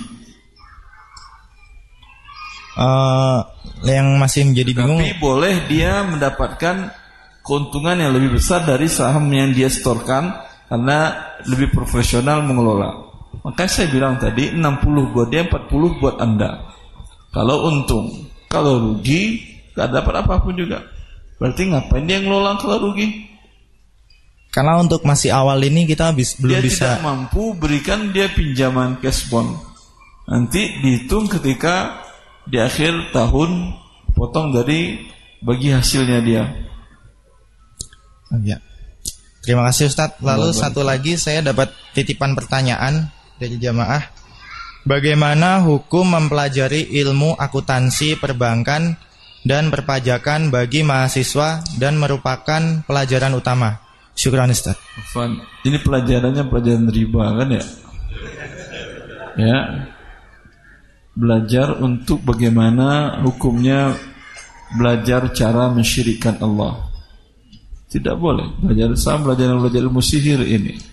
Bagaimana cara untuk berzina yang baik juga tidak boleh. Dan seterusnya bagaimana untuk cara maling yang tidak dikejar orang banyak. Sama dengan itu tadi pelajaran. Sama ini bagian dari dosa besar bagaimana cara riba agar agar lebih mantap. Terus. Baik, uh, untuk selanjutnya kami memberi kesempatan lagi kepada Umahat untuk menyampaikan pertanyaan. Sudah ada Ibu ya? Bismillah. Assalamualaikum warahmatullahi wabarakatuh. Ustaz saya mau bertanya, ada yayasan yang membantu memasukkan para pencari kerja dan harus membayar member 150 ribu dalam jangka satu tahun. Nanti apabila sudah masuk kerja, si pencari kerja itu harus membayar 800 ribu ke pihak yayasan. Apakah hal ini termasuk menyogok? 800 ribu imbalan apa? Jadi kan udah 150 ribu imbalan member. Sudah dapat dia berarti keuntungan kan ya. Sekarang 800 ribu imbalan apa lagi? Kenapa? Ustaz kurang jelas. Tadi kan katanya kalau dapat kerja bayar 800 ribu ke lembaga itu. Iya Ustaz. Imbalan apa? Imbalan buat ya uh, di dalam ya setelah diterima kerja itu harus bayar 800 ribu ke pihak yayasan Ustaz. Kenapa harus bayar? Ini Karena itu peraturan dari yayasan gitu. Karena kan udah membantu memasukkan si pencari kerja. Membantu kan sudah ada uang member yang bayar. Tadi 150 ribu. 150 ribu itu member buat jangka satu tahun misalkan. Walhasil begini ibu. Tidak boleh seorang manusia mengambil harta manusia dengan cara yang batil tanpa ada imbalan.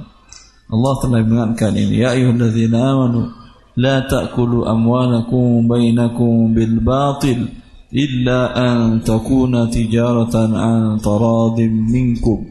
Kata Allah, wahai orang yang beriman, janganlah sebagian kalian memakan harta sebagian yang lain dengan cara yang batil. Ya, kecuali dengan cara perniagaan. Ketika perniagaan ada imbalan, pun saling redho dalam tukar imbalan tadi. Anda serahkan uang 100 ribu imbalan buku. Ada imbalannya. Redho nggak 100 ribu dengan ini? Kalau nggak redho pun tidak boleh. Paham? Tapi Anda serahkan 100 ribu tidak ada yang Anda dapat. Ini namanya makan harta manusia dengan cara yang batil. Anda serahkan 800 ribu apa yang Anda dapat? Kerjakan bukan ke, bukan udah tadi uang member di awal. Wallah taala alam. Tapi kalau anda juga mau dizolimi juga nggak ada masalah. Terus.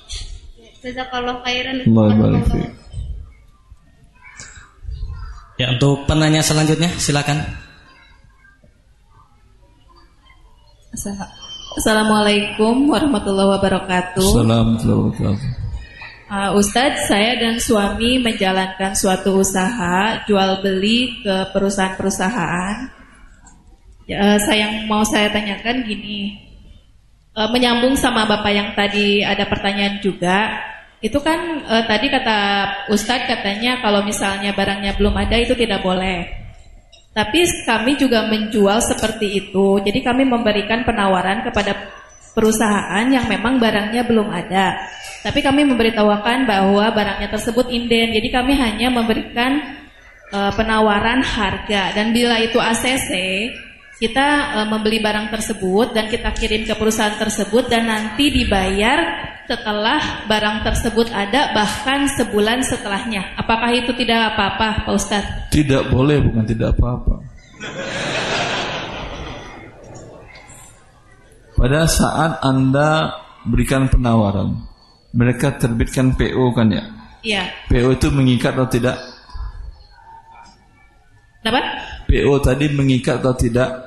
Uh, PO tersebut berikat uh, uh, bisa bisa berubah jika memang pada saat barangnya tersebut datang ternyata tidak sesuai dengan yang mereka minta. Pertanyaan saya PO mengikat atau tidak artinya kalau anda tidak serahkan barang pada waktunya ada konsekuensi? Oh ada kalau ya misalnya. berarti mengikat namanya ibu. Oh, gitu.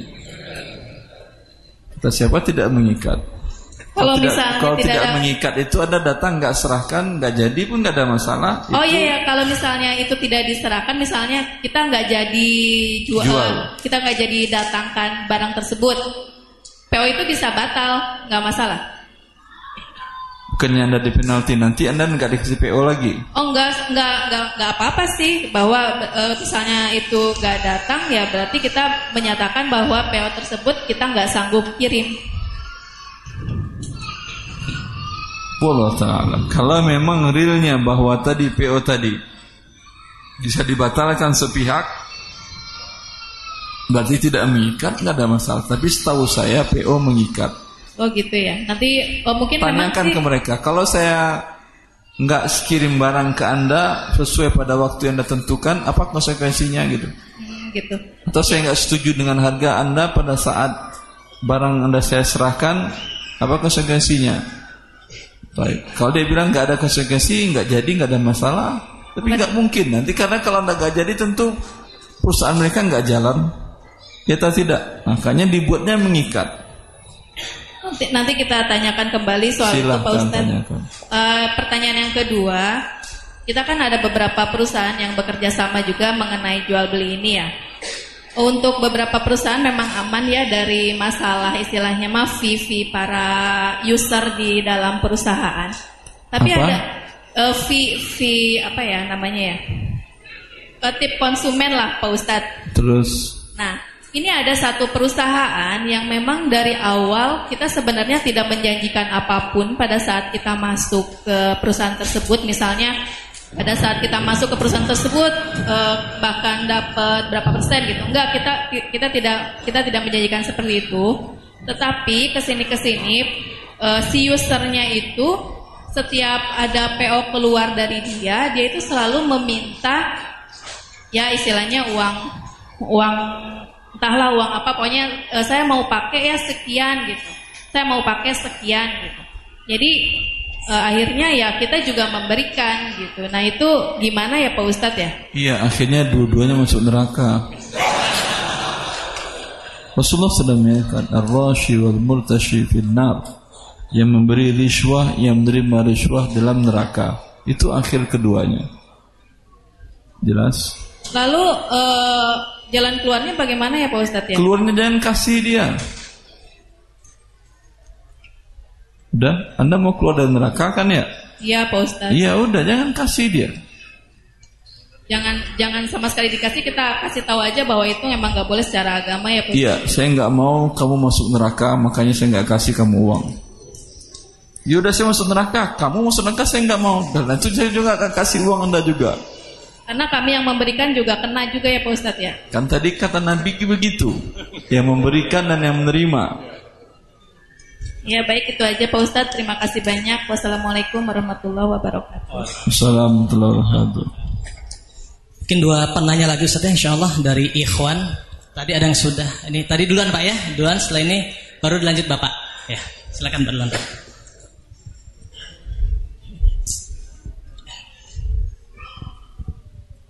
Assalamualaikum Ustaz. Assalamualaikum warahmatullahi Nama saya Iwan.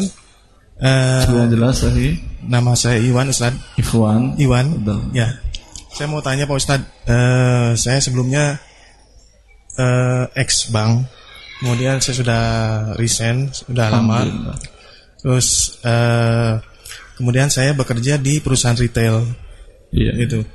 Perusahaan yang menjual barang-barang secara Kurang jelas Pak Ikhwan. eh, menjual barang-barang secara cash. Untuk menjual saya menjual eh, bekerja di sebuah perusahaan retail Ya, eh, yang menjual barang-barang secara cash. ya. Nah, karena eh, tuntutan eh, industri dia kembangkan eh, saat ini eh, dilakukan eh, kredit pembayaran secara cicilan. Jadi tadinya secara cash, Tadinya tunai, sekarang tidak tunai ada juga.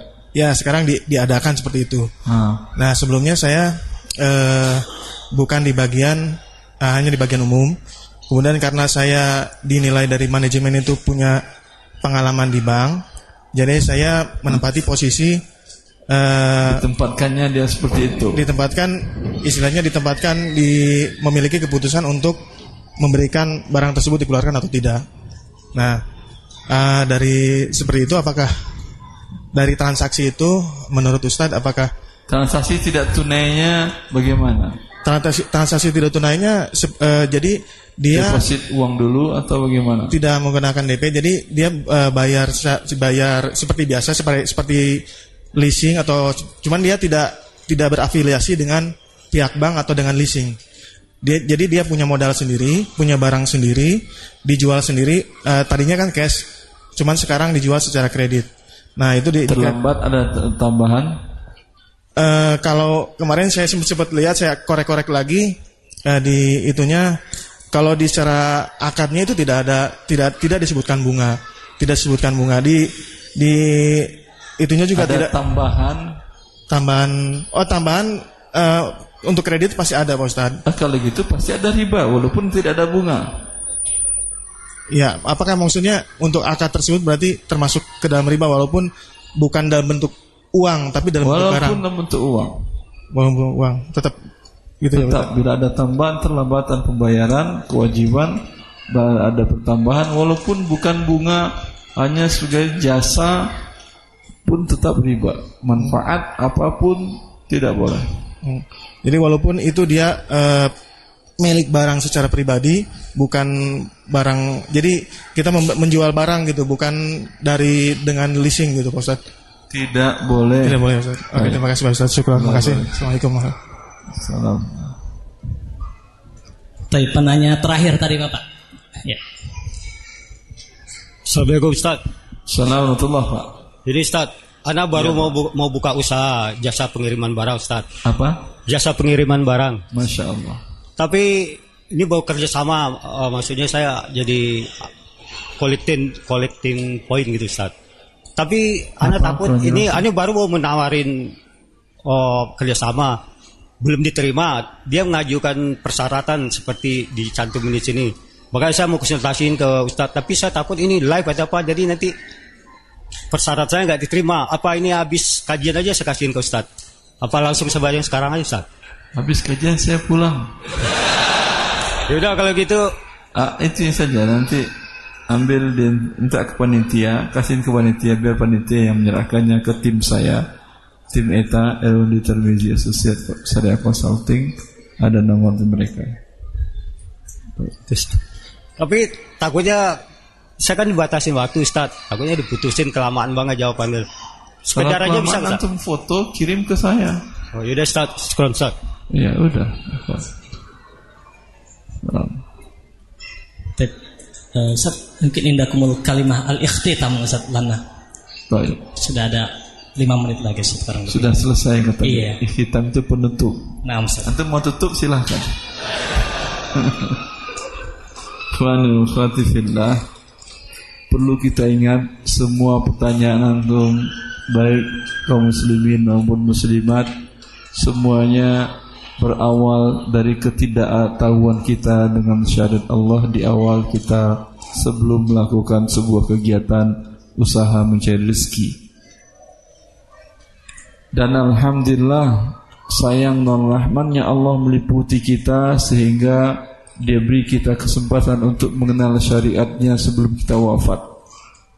Kan tidak ada gunanya kalau anda telah wafat atau pada saat, saat sekarat baru kita tahu bahwa riba haram baru kita mau tobat sudah pintu tobat ditutup ini bagian dari rahmat Allah Azza wa Jalla kepada kita yang kita dapatkan tentu dengan menghadiri majlis-majlis ilmu seperti ini maka selalu saya ingatkan jangan berani melakukan apa pun kegiatan mencari rezeki Allah kalau belum tahu hukumnya menurut syariat Allah sehingga anda selamat di dunia dan di akhirat. Wallahu taufik.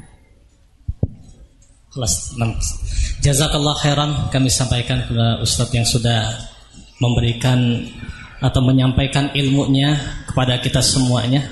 Untuk selanjutnya di sini sedikit kami informasikan terlebih dahulu. Uh, sebelumnya kami minta maaf kepada bapak-bapak dan ibu-ibu yang tentunya tadi masih ada beberapa yang ingin bertanya Pak ya. Cuman kita dibatasi waktu, akhirnya uh, kita cukupkan pertemuan kita atau tabligh akbar kita kali ini. Ya, demikian kami ucapkan sekali jazakumullah khairan kepada hadirin semuanya.